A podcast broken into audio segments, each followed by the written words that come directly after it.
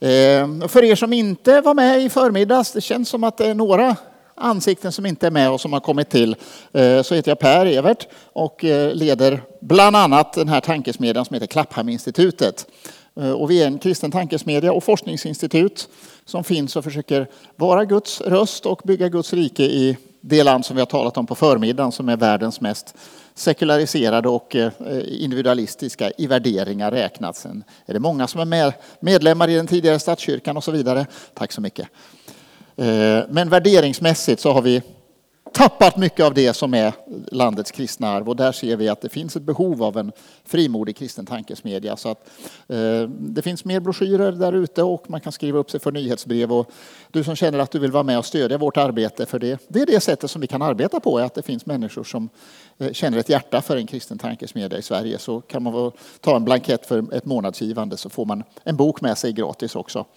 Eh, jag har, det rasslade till med några av böckerna som jag hade så att de är slut. Men eh, det var någon som skrev upp sig på en lista så eh, de böckerna som är slut kan jag skicka en bok om ni vill. Men jag har några exemplar kvar av det som vi pratade om på förmiddagen. Om den här långa resan under 1900-talet när Sverige förvandlades till ett land med helt andra värderingar än vi hade när det började det förra seklet. Det var en spännande resa att göra. Inte alltid uppmuntrande, men, men väldigt intressant. Att kunna gå in i en massa arkiv och sitta och rota i gamla dokument som faktiskt har varit med och eh, påverkat vårt land. Men eh, om man nu känner att det kändes eh, sorgligt och tufft och ibland nästan hopplöst när man befinner sig i det land som vi är, så är det inte hopplöst. Och det är det jag tänkte vi skulle ägna den här passet åt. Ehm, och då tänkte jag stå och läsa lite mera i skriften, så då ställer jag mig här. Har fått med mig en bibel. Jag har lyckats glömma min egen tryckta bibel hemma och det är så tråkigt att stå och läsa i telefonen. Så att, eh, men en viktig ledtråd och en viss viktig källa till hopp är just det som finns i vår flagga. Korsets tecken finns i Sveriges flagga och har gjort det så länge vi har haft en flagga som ett tecken på att det finns ett budskap, ett annat rike som har format vårt land under lång tid och som kanske har något av det som Sverige behöver återvinna. Och eh, om man då tittar tillbaka på den här tavlan i Sveriges riksdag, 200 nyanser av, av grått, eh, så är, är ju den frågan om det var självklart och nödvändigt att det skulle bli så här. Eller om det fanns specifika orsaker som var speciella för just Sverige. Och om man då tittar på tidigare forskning som andra har gjort och också den som jag har gjort så pekar det på det senare. Det som hände i Sverige påminner till viss del om det som har hänt i andra länder. Men det finns också drag som är unika och speciella för just Sverige. Och då är frågan, vad händer nu då? Hur ser framtiden ut? Hur kommer det att bli i framtiden? Och då, är, då lockas man ju att svara, ja det kommer att bli si eller det kommer att bli så. Men jag börjar mer och mer landa i, det beror på. Det beror på vad vi gör. Så var det i början på 1900-talet. Det var absolut ingen självskrivenhet att Sverige skulle gå i den här sekulära riktningen. Ni som var med i förmiddags, ni hörde ju hur det stod i de andra partiernas partiprogram. Där stod det att den kristna tron är en omistlig, självklar, nödvändig grund för samhället. Men det blev partier som stod för en helt annan världsbild som kom att styra landet och därmed forma landet. Och samma sak gäller i vår tid. Det är ingen självklarhet att vi imorgon, eller om ett decennium eller om flera, om Herren dröjer och vi får leva, att riktningen kommer att gå i samma riktning. Därför att vi äter ju nu fullt ut frukterna av det land och den filosofi som vi har byggt. Och ganska många människor känner att de frukterna är nog inte så bra. Utan då behövs det en motkraft och evangeliet är en sån motkraft och har fungerat som det i andra tidigare tider och det kan vara en uppmuntran för oss. Om vi tittar på den här bilden till exempel, då ser vi att vi är i ett annat land i Sverige från en som inte var politiker men som var intresserad av att påverka politiken. Och han gjorde det just utifrån sin position av att vara eh, pastor och stå på evangeliet. Sen hade han en massa problem med sin personliga karaktär som alla vi människor har. Eh, men han stod på en grund och förkunnade ett budskap som var viktigt. Och när han förkunnade frihet, för det ropas ju om frihet i vår tid och i vårt land också. Och friheten är att vi ska bryta oss loss då från, precis som eh, det stod i psalm 2 som du läste här nu också. Vi bara bryter oss loss från Herren och hans mode så blir vi nog fria och bra. Men han sa något annat. Och den frihet som Martin Luther King talade om då, om hans dröm när han lät, hoppades på friheten som skulle ringa. It was when, when all of God's children, black men and white men, Jews and Gentiles, Protestants and Catholics, will be able to join hands and sing in the words of the old Negro spiritual, free at last, free at last, thank God Almighty, we're free at last. Att den frihet som vi längtar efter, den kommer inte från att bryta oss loss från Gud, utan den kommer via evangeliet. Och vi som är troende och vi som är med i en församling, det är det budskapet som vi kan förkunna i ett land som famlar över vägen och över friheten. Så att när vi då läser skriften, då är det inte som det, som det påstås då, nej men det är något fångande och något eh, fördärvligt och som vi måste göra oss fria från. Utan Bibeln är i grunden ett frihetsbrev. Att människan har fallit och skapelsen har hamnat på ett plats där den inte borde vara. Men budskapet är att det finns frihet. Och det finns både i det gamla testamentet och i det nya testamentet. Ehm, och, och det här passet så tänkte jag unna mig att läsa lite mer i skriften som sagt var. Jag läste ju ur eh, klagovisorna före, före lunch, där det är hopplöst, hopplöst, hopplöst, men där ändå författaren hittar en strimma ljus, därför att Gud har lovat, och det kommer att bli så. Jobb är precis likadant. Det är hopplöst, hopplöst, hopplöst. Men någonstans så fångar han ett hopp där i det 19 kapitlet. Och de här orden känner ni igen när han säger, ja det är fascinerande, oh att mina ord hade skrivits ner, att de hade blivit upptäckta i en bok och för evigt inristade i klippan med ett stift av järn och med bly. Men jag vet att min återlösare, min befriare, lever. Och som den siste ska han träda fram över stoftet. Han hoppas och han tror på Messias och på Guds löften och de blir infriade också. Så eh, låt oss läsa det ord som Jesus läser när han framträder och inleder sin offentliga tjänst. Det gör han ju i synagogan i Nasaret. Och han gör det genom att läsa ur skrifterna, som man gör. Man räcker honom profeten Jesajas bokrulle, som av en ren händelse. Så läser han ur Jesajas 61 kapitel. Och då talar han ju om just det i vers 18, Lukas 4. Herrens ande är över mig, ty han har smort mig till att predika glädjens budskap för de fattiga. Han har sänt mig för att ropa ut frihet för de fångna och syn för de blinda. För att ge de betryckta frihet och predikat nådens ord från Herren. Friheten är nyckelordet. Och vad är det han säger sen då när han har lagt ner skriftrullen och alla tittar på honom och undrar vad ska han säga nu? Då säger han idag har detta skriftställe gått i uppfyllelse inför er som lyssnar. Den nya tiden har kommit och Jesus är befriaren. Och han kan vara det i vår tid också. Och då är frågan lite grann hur vi förhåller oss till det som ändå har hänt i Sverige. På vilket håll är de här riktningarna och de här pendlarna på väg? Den har ju pendlat långt, långt ut i det sekulära diket och det individualistiska diket.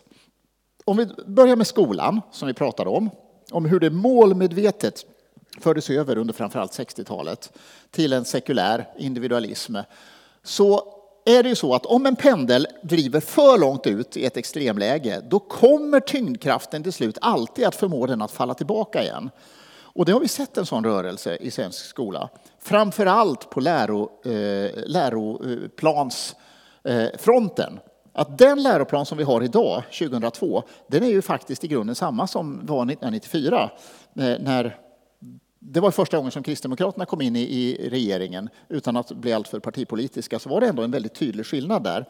Att då, då la man in formuleringar i läroplanen som var annorlunda och som var en tydlig motreaktion mot den här eh, rörelsen i sekularismen. Och den säger att vi har fem grundläggande värden i svensk skola. Alla ni som jobbar i skolan bör kunna de här utan till. Det kan ni inte, men det bör man kunna ändå. Eh, för att det är de här som ska vara i centrum för skolundervisningen. Och då kan vi se, vilka är de? Och vad signalerar de för världsbild? Människolivets okränkbarhet, det är det första värde som alla skolor i Sverige ska förmedla. Och det vet ni säkert också, hur alla skolor manifesterar det och talar om faran med aborter och dödshjälp och så vidare. Eller? Men det är det här som alla svenska skolor ska försvara först människolivets okränkbarhet. Och så individens frihet och integritet, alla människors lika värde, jämställdhet mellan kvinnor och män. Det finns kvinnor och män i eh, läroplanen. Det finns inte någonting däremellan. Eh, och solidaritet mellan människor. Sen är det också så att varje skola har fyra fostransmål. De ska ni också kunna, ni som finns i skolan. Det ska vara rättskänsla, generositet, tolerans och ansvarstagande. Alla de här värdena ska svensk skola arbeta efter. Och då kan ni fundera över, tycker ni att det här känns som reflektioner av en eh, aggressiv sekularism eller stämmer de bättre med bibliska värden? Ja, vi skulle ju säga att de är bra. Framförallt eftersom det betonas, och det här står kvar ända sedan 1994, att det här ska ske. Om man då undrar, undrar vilken slags etik ska vi bygga det här på? Ja, det ska vi göra i enlighet med den etik som förvaltats av kristen tradition och västerländsk humanism. Så att det speciella i Sverige är ju att, eh, ja jag kan läsa det sen, eh, ordet. Men det speciella i Sverige är ju att nu har vi en läroplan som faktiskt är väl bibelgrundad. Men verkligheten är oerhört långt därifrån. Eh, och det här är ju resultatet av just det som jag sa innan. Det räcker inte att förändra en läroplan. Man måste också ta tag i lärarhögskolorna, läroböckerna och andra saker. Och det gjorde man väldigt framgångsrikt på 60-talet. Så att den stenen väger fortfarande över, fastän läroplanen faktiskt är mera bibliskt grundad. Men du som finns i skolan och vill göra det på, som en frimodig kristen, du har all rätt i världen att göra det. Och du har dessutom en plikt att försvara de här värdena som ju faktiskt är bibliskt grundade. Så att den ideologi som drivs är ju eh, ofta i praktiken en motsats mot det som skollagen faktiskt förkunnar. Och då tänker jag också på, om vi går tillbaka till skriften några gånger nu under det här passet, så är det ju så fascinerande. Både det som jag läste innan, från psalm 2. Saltaren är ju, många bibelböcker är ju så här att det är liksom cirklar som koncentreras in till ett centrum. Och, och psalm 1 och psalm 150 eh, hyllar Gud på, på olika sätt, motsvarande sätt. Psalm 2 och psalm 149 är väldigt lika också och anknyter till det, precis som vi läste som inledningsord. Det var ju nästan profetiskt också. Som, när de åberopar det här hur människorna gör uppror mot Gud och hans smorde. Har ni tänkt på vad det står i psalm 149 som liksom stänger och blir spegelbilden till det som människorna säger i början? Och sen är ju saltaren hela tiden den här brottningen fram och tillbaka mellan hopp och förtvivlan och, och längtan efter Gud. Då säger psalm 149, som är precis i motsatt sida av saltaren, vers 7, eh, som talar om, om, om Guds lov, som ska hämnas på hedna folken och straffa folken för att binda deras kungar med kedjor och deras stormän med järnbojor. Precis motsatsen när de säger att om vi bara slår oss fria från Gud och bryter deras rep, då blir vi fria och lyckliga. Och då kommer de istället själva att fångas i bojor som är ännu starkare och ännu mer destruktiva än det som man trodde att man hade befriat sig från. Och det är väldigt intressant att studera när vi tittar på vår värld så som den ser ut idag. När man sa att man blev fri har man istället fastnat i något som egentligen blev ännu värre. Så det vi gör till exempel i Klapphamninstitutet, jag tror jag har kvar något tryckt ex av våra rapporter, eh, är att tre av våra rapporter handlar om skolan. En handlar om eh, det här strävan att få bort religionen ur skolan. Eh, och den andra handlar om en intervjustudie med kristna elever om hur de upplever skolan och den sekulära intolerans som faktiskt fick i skolan. Och den tredje då, som vi har kvar några ex här, handlar om läroböckerna och hur de blir osakliga. Sen jobbar vi vidare. Kul att se dig Andrea också. Så vi har arbete på gång med ytterligare rapporter. Så att det kommer ni att få ta, ta del av här framöver också. Håll ut!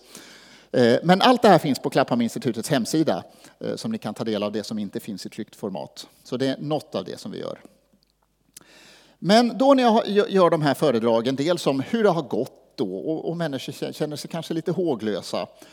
Och man kanske känner sig som på den här bilden, ni vet, som den lille pojken med slungan. Och så står den store Goliat där och skrävlar och gör oväsen. Och så kan det vara för mig också när jag är i olika sammanhang. Och man, kan, man kan bli rädd för den store Goliat som låter så mycket. Men Goliat är inte så farlig egentligen. För han står inte stadigt och han kommer att förlora. Jag och kanske du också märker att ibland är det Davids bröder som är mycket värre. Som står bredvid och säger, vad ska du hålla på och larva dig för att tro att du är något? Gå hem och göm dig. Och då ska vi inte gå hem och gömma oss, utan då ska vi göra det som vi är satta att göra. Och Davids uppdrag var att eh, kasta sin sten och eh, stoppa jätten. Eh, och det går. Och några goda råd då på när vi står i den här extrema kulturen som vi gör är dels att förstå den. Och den första slutsatsen som jag har gjort är att sekularism och individualism är tätt sammankopplade. Och så länge de drivs under det här autonoma idealet, att självets oberoende, när det drivs, då kommer det att leda till ytterligare sekularisering. Och det är inte bara jag som säger, utan det är en massa andra sekulariseringsforskare också, som inte är kristna, som säger att ja, så länge autonomi drivs som ideal, då kommer sekularisering att fortsätta för alltid i princip. Och därför är det så att när vi ser ni kommer ihåg den skissen som jag visade i början, att den autonoma filosofin gör hela tiden uppror mot gemenskap, mot auktoriteter och mot det heliga. Så länge de drivs, den typen av opposition, då kommer det i längden att leda till sekularism.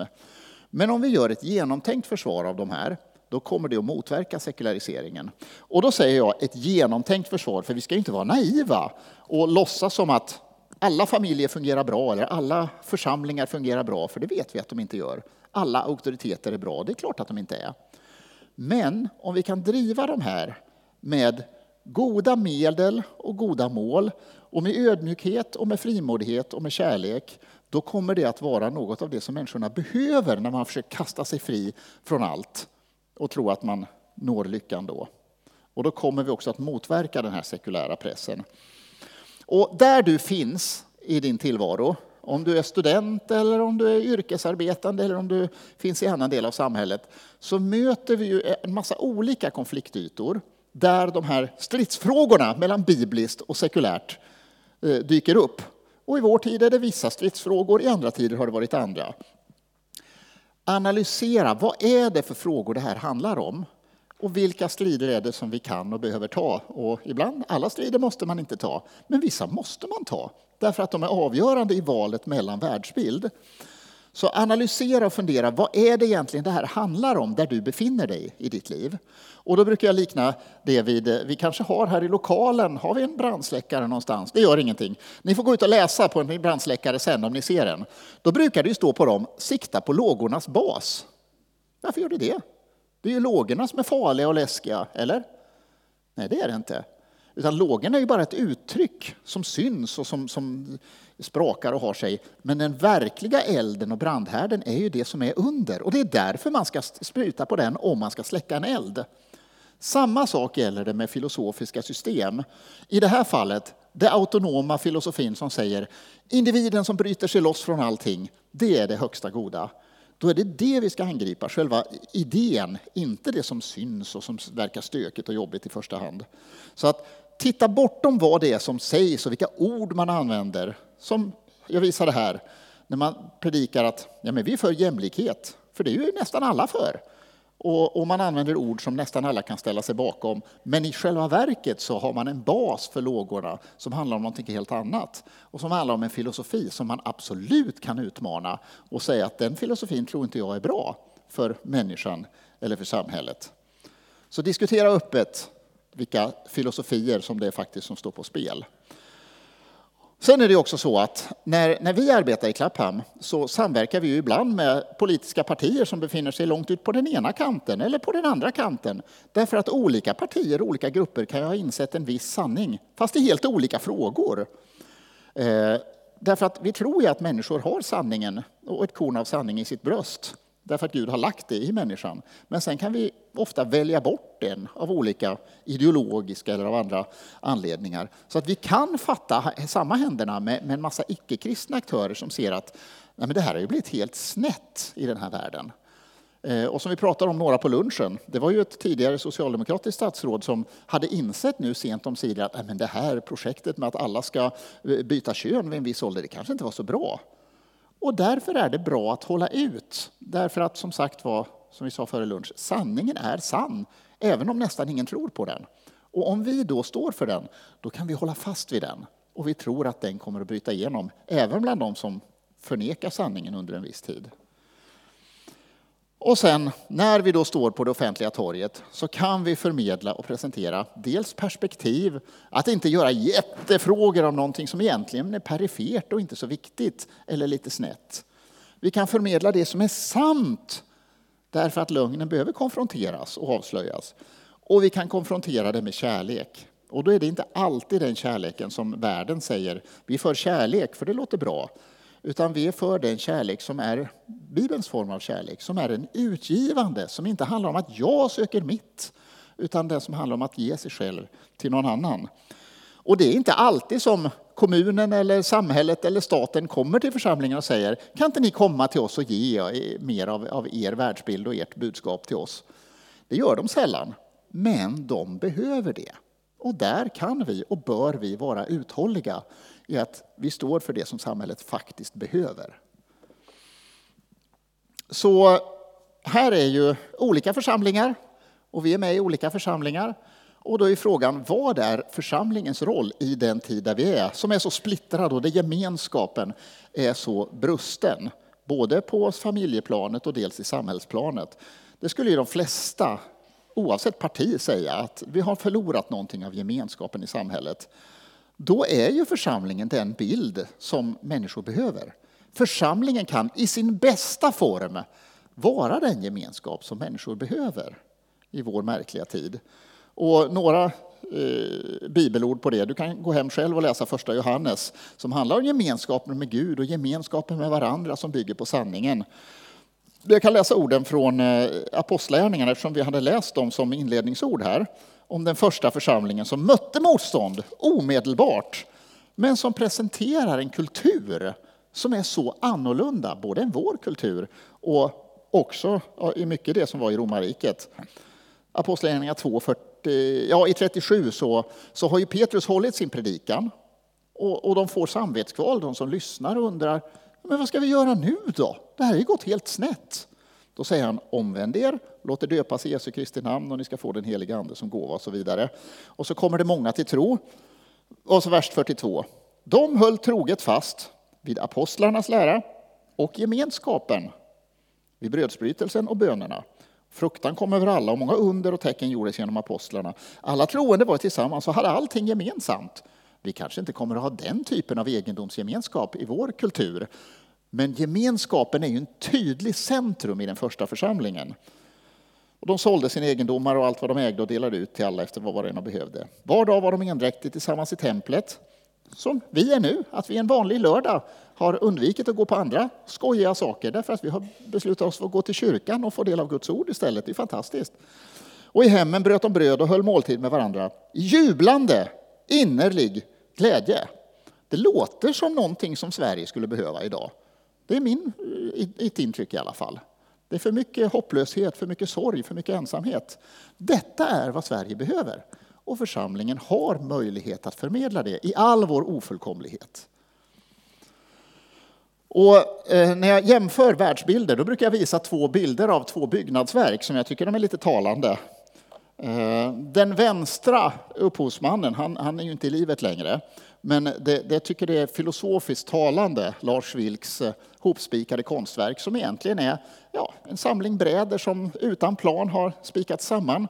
Därför att han var en sekulär ateistisk man som sa att det finns ingen mening med tillvaron utan vi slänger ihop lite saker och låter det bli det det blir.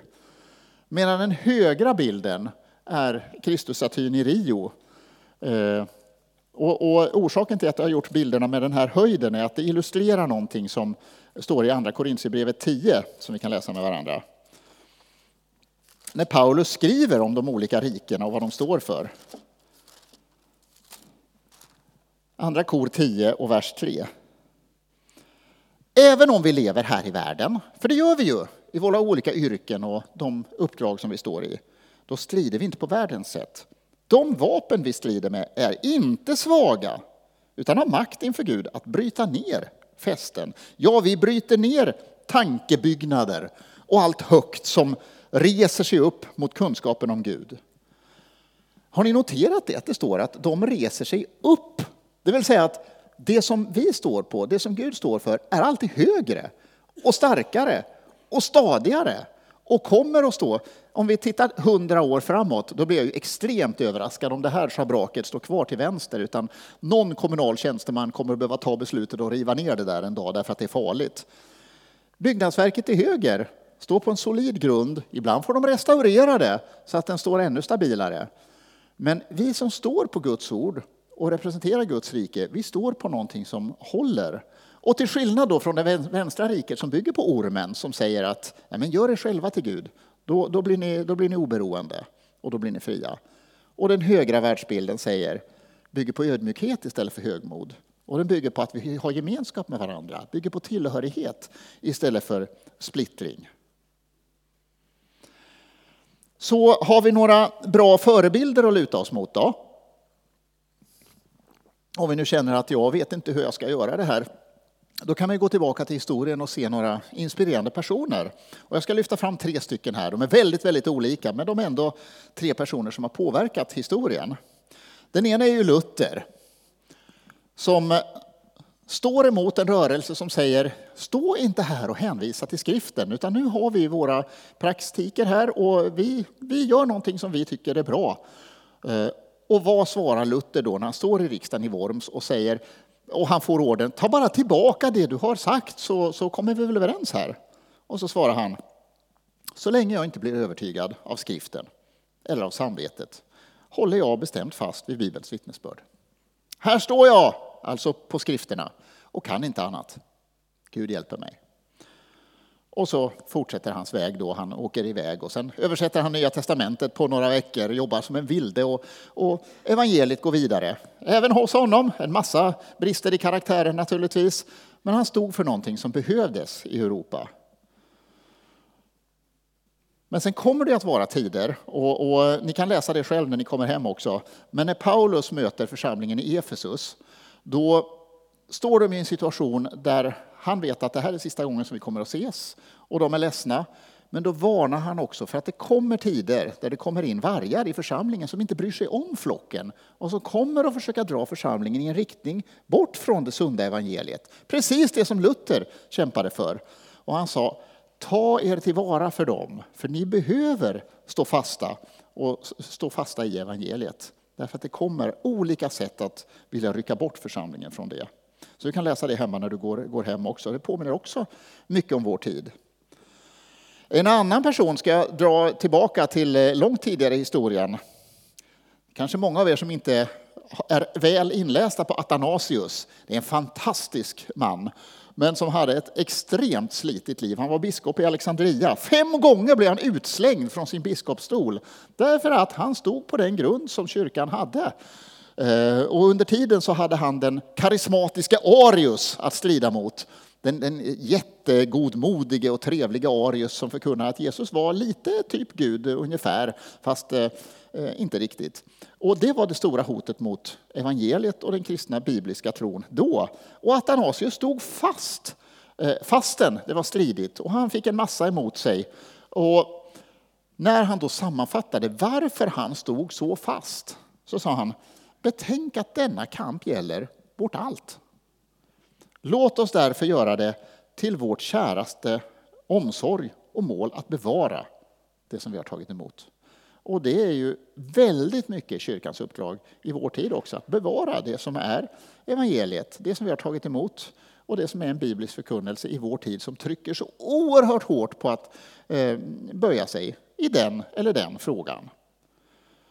Och precis som vi sa före lunch, så, så eh, behöver inte läsa bibelordet nu, men det handlar om det som vi sa, att vi har alla uppdrag utanför kyrkan också. Och en del går helt upp i det uppdraget och ser sig som representanter för kommunen eller för sin arbetsgivare eller någonting annat i de frågor där det kolliderar. Men om vi då ser oss som Paulus skriver, ni är sändebud, ni är ambassadörer för Kristus. Att vi förmedlar och står för ett annat rike i en värld som har glömt bort mycket av det riket och den identiteten. Det kan vi vara, precis som Athanasius var. Och det är därför vi kommer ihåg honom och respekterar honom som en förebild. Fastän han led så mycket förföljelse. Och folk tyckte att han var jobbig som höll fast. Och eh, det sista exemplet som jag ska ge er är från en politiker, en modern politiker som är från ett annat land. Eh, och flera av er kommer inte alls att känna igen honom, men han är så intressant som exempel. Det här är Tim Farron. Vilket parti var han partiledare för? Kommer ni ihåg någon? De hade extra fyllnadsval i England häromdagen och det är ju två stora partier som kämpar om uppmärksamheten. Han var partiledare för Liberal Democrats, som är det lilla liberala partiet. Och han var en evangelikal kristen, men han, han, hade tidigt i sitt liv kommit med i det här liberaldemokratiska partiet. Och han, han eh, var duktig och skicklig politiker, han är fortfarande politiker. Men han är inte längre partiledare. Därför att valrörelsen 2017 så jagade medierna honom något så otroligt och pressade honom på de frågor som man förväntas pressas på för att visa att står du på den här bibliska grunden och är jobbig och krånglig och dum eller säger du som vi vill att du ska säga? Ja, till slut så, så han orkade inte längre och han, han gav sig och sa det som de ville säga. Och det gick sådär halv, halvbra, halvdåligt i valet. Men sen någon vecka efter valet, då klarar han inte det samvetsmässigt längre. Och så höll han ett helt fantastiskt tal, ni kan se det på Youtube, sitt avskedstal, när han säger så här, att jag har slitits mellan att förbli trogen mot Kristus och samtidigt leda ett politiskt parti i nuvarande debattklimat. Men att vara politisk ledare, i synnerhet för ett progressivt liberalt parti 2017 och att leva som överlåten kristen, att troget hålla fast vid Bibelns undervisning, det känns omöjligt. Och då måste han välja. Ett uppdrag klarar han att upprätthålla och ett, det andra kan han inte ha kvar. Och då säger han så här, att jag måste avgå därför att jag måste bevara mitt hjärta och mitt samvete i detta. Och då säger han att jag har ju verkligen uppskattat och älskat det här partiet och det här uppdraget. Och så säger han, föreställ er då vad som skulle förmå mig att frivilligt överge ett sådant uppdrag. Som Isaac Watts skrev så måste det vara och så, och så återger han från den här salmen, When I survey the wondrous cross. Ett fantastiskt starkt vittnesbörd. Att om jag hade hela världen, då vore det allt för litet. Love so amazing, so divine, demands my soul, my life, my all. Att evangeliet står för något som är så mycket dyrbarare så jag kan inte byta ut det mot en politisk position, även om det råkar vara partiledarskap eller om det råkar vara av inflytande. Så han klev av det uppdraget därför att han såg det så viktigt att hålla fast vid sin identitet och sitt samvete som bibeltroende kristen. Ett starkt vittnesbörd. Och slutligen då, en liten påminnelse och en uppmuntran. Om vi känner att nej, det är för svårt, det är för svårt att, att göra någonting åt det här stora Goliat-monstret som säger att vi kräver den tillbedjan under den här världsbilden. Så är det ju så att få individer kan ändra ett land. Det har hänt förut, det kan absolut hända igen. De var sju individer som jag visade på bild tidigare. Väldigt överlåtna individer för en sekulär och individualistisk världsbild. Och många av oss känner att ja, men jag, är ju inte, jag är inte kyrkoledare, jag är inte högt uppsatt politiker, jag har bara min lilla roll. Men alla kan göra något. Det är ett återkommande budskap som brukar vara i vår, vår tid. Ingen kan göra allt, men alla kan göra något. Det är faktiskt sant. Och även om man inte har ett högt uppdrag så kan alla inspirera andra. Och det kan man göra på en massa olika sätt. Ibland har man ingen aning om hur det går till. Och då ska jag ge er ett, ett personligt e- exempel som är så hemskt överraskande så jag måste ge det. Jag började inte min bana med att skriva eh, eh, böcker om evangeliet och om, om, eh, politik och så vidare. Ja, på ett plan. Det här är min första bok, en, en lärobok i samhällskunskap för högstadiet. Eh, och så den skrev jag för en massa år sedan. Och, eh, ja, sen skickar man vidare den och så säljs den till skolan och sen använder de den. Och så gick jag vidare och gjorde andra saker. Och i den här boken, då, ja, man gör lite bilder, lite flaggor och så en ung tjej som åker tåg till ett toppmöte och ska protestera. Och jag skrev ett kapitel om eh, hur man påverkar sitt samhälle. Jättebra tips tycker jag, om hur man går till medier och man kan gå till politiker och ja, på olika sätt sprida en idé. Eh, och sen som sagt så gick jag vidare och gjorde andra saker. Och under tiden fick jag veta då först senare och se den här bilden som var mycket märklig. Så var det en liten flicka som inte ville gå till skolan. Så hon tog istället sina skolböcker och gick och satte sig utanför riksdagen. Och så såg jag först senare att vänta nu, vad är det här för bok? Så nu är inte frågan, tycker vi att Greta-rörelsen är bra eller dålig? Det sista är dåligt, att man ställer sig och demonstrerar för terrorister som dödar judar. Det är inte bra. Men man kan ha respekt för att tycka att det är bra att man står upp för miljöfrågor. Men så poängen är inte om man tycker rörelsen är bra eller dålig. Och jag har ingen aning om i vilken mån hon inspireras av min bok eller inte. Men poängen är att vi har ingen aning om vad som händer med en människa. Den här lilla flickan som ingen visste vem det var. Ett år senare, då har hon blivit mest inflytelserik, inte i sin klass, det hade ju varit fantastiskt, eller i sin skola, utan i hela världen. Det är ju helt otroligt. Eh, med allt som är gott eller mindre gott i det.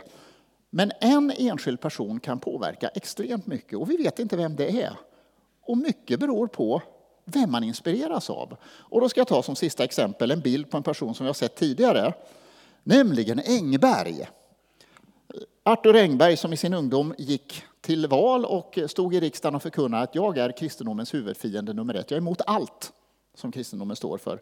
Det här är en bild på honom när han är äldre och har lämnat politiken. Och om man bara tittar på anletsdragen så känner man att det, det, det finns en lite annorlunda känsla i den äldre Engberg. Därför att när han har lämnat politiken, ja även när han är minister, han är ju ecklesiastikminister under Per Albin, så går han in och gör de här förändringarna i politiken och kyrkan som han har drömt om.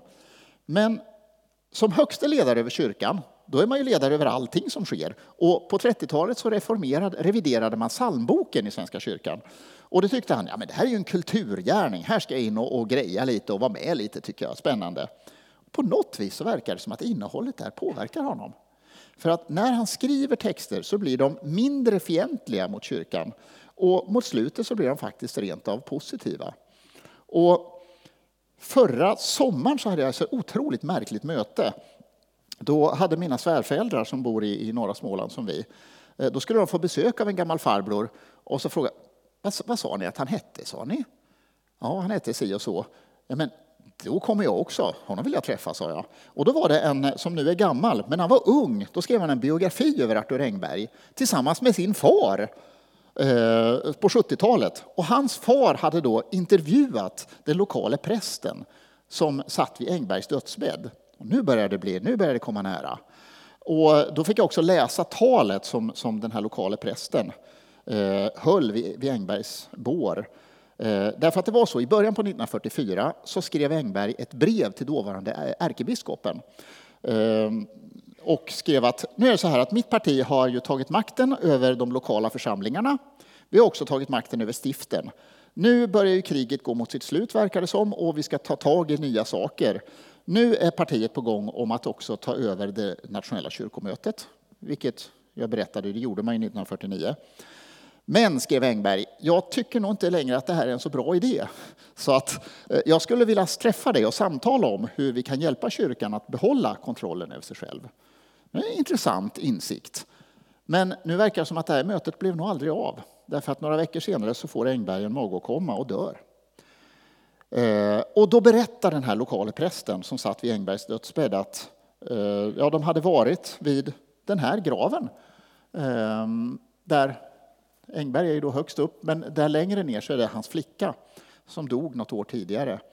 Och han funderar mycket på det där och på döden och på uppståndelsen. Och prästen berättade att de, när Engberg var sjuk så läste de första Korinthierbrevet 15 tillsammans på grekiska. Det var en spännande kulturgärning också. Och du som är bibelläsare, du vet att det, det kapitlet handlar om uppståndelsen. Och prästen berättade att eh, på, på slutet så tog Engberg emot nattvarden och dog som troende kristen. Men oj vad han hade hunnit riva ner ni, i landet under den period som han var aktiv. Därför att när han var ung så var han inspirerad av Hägerström och hans filosofi som säger att kasta dig loss från alla övertygelser om gott och ont och objektivt och hitta, var din egen Gud. Men när han var äldre så blev han influerad av psalmboken. Vi är så olika människor och alla kan vi påverka någon. Och då är det ju så märklig historisk paradox även här då. Så att Engberg är ju begraven på samma plats där han är född, några mil härifrån, eh, i Hassela i Hälsingland. Och ni som har varit där, ni vet att det är ju inte bara hans gravsten som står där. Det är ju också Sveriges och ett av världens högsta kors. Är inte det en helt besynnerlig historisk paradox? Att på den ort där en man levde som tog sig an att försöka avkristna Sverige, för det sa han uttryckligen, vi ska använda statskyrkan för att avkristna landet. Där står symbolen för ett annat rike som kommer att vara för evighet. Och då tänkte jag att jag ska läsa ett skriftställe som uttrycker det här riket som vi står med i, vi som är kristna och troende. Och det anknyter precis också faktiskt till det som Torsten sa här i inledningen. Om ni lyssnade noggrant nu så kopplar det här ihop, ser ni. När Johannes står inför den himmelska synen och han får reda på att det finns en bokrulle med information om vad som ska hända, men det finns ingen som är värdig att öppna den. Och han blir så ledsen och han gråter. Men då kommer den en av de äldste fram till mig. Johannes uppenbarelse kapitel 5, vers 5. Gråt inte. Se, lejonet av Judas stam, precis som du hörde här i inledningen. Lejonet av Judas stam har segrat. Davids rotskott har segrat. Han kan öppna bokrullen och bryta dess sju sigill. Och så kommer lammet då i vers 7 och gick fram och tog bokrullen i högra handen på honom som satt på tronen. Och när det tog bokrullen föll de 24 väsenden och de 24 äldste ner inför lammet. Och så har de guld och rökelse. Och de sjunger en ny sång. Du är värdig att ta bokrullen och bryta det sil, ty du har blivit slaktad. Och med ditt blod har du åt Gud köpt människor av alla stammar och språk, folk och folkslag. Du har gjort dem till ett konungadöme, till präster åt vår Gud. Och de ska regera på jorden. Så att när politiker har löpt sitt lopp och gjort sitt uppdrag, då kommer de alla att vara färdiga med det. Men det finns ett rike som kommer att vara för evigt. Och de fortsätter där mot slutet. Och de är överallt och de är 10 000 gånger 10 000 och 1000 gånger 1000. Och de säger med hög röst, Lammet som blev slaktat är värdigt att ta emot makten, rikedomen och visheten, kraften och äran, härligheten och tacksägelsen. Och allt skapat i himlen och på jorden och under jorden och på havet. Ja, allt som finns i dem hörde jag säga. Honom som sitter på tronen, honom och lammet tillhör tacksägelsen och priset äran och makten i evigheters evigheter. Låt oss be. Helige Gud och Fader, vi tackar dig för att du har skapat världen, för att du har satt oss i den, denna märkliga värld, och vi som ofullkomliga människor. Tack för att du ändå har kallat oss. Med samma befallning som du har gjort kristna i alla tider, att gå ut i hela världen och göra alla folk till lärjungar. Så beklä oss då med den heliga Andes kraft och med vishet att förkunna ditt rike i den värld som vi är i. Och tack för att Lammet har segrat. Tack för att korsets budskap sträcker sig ut till hela världen och vill dra alla människor till dig.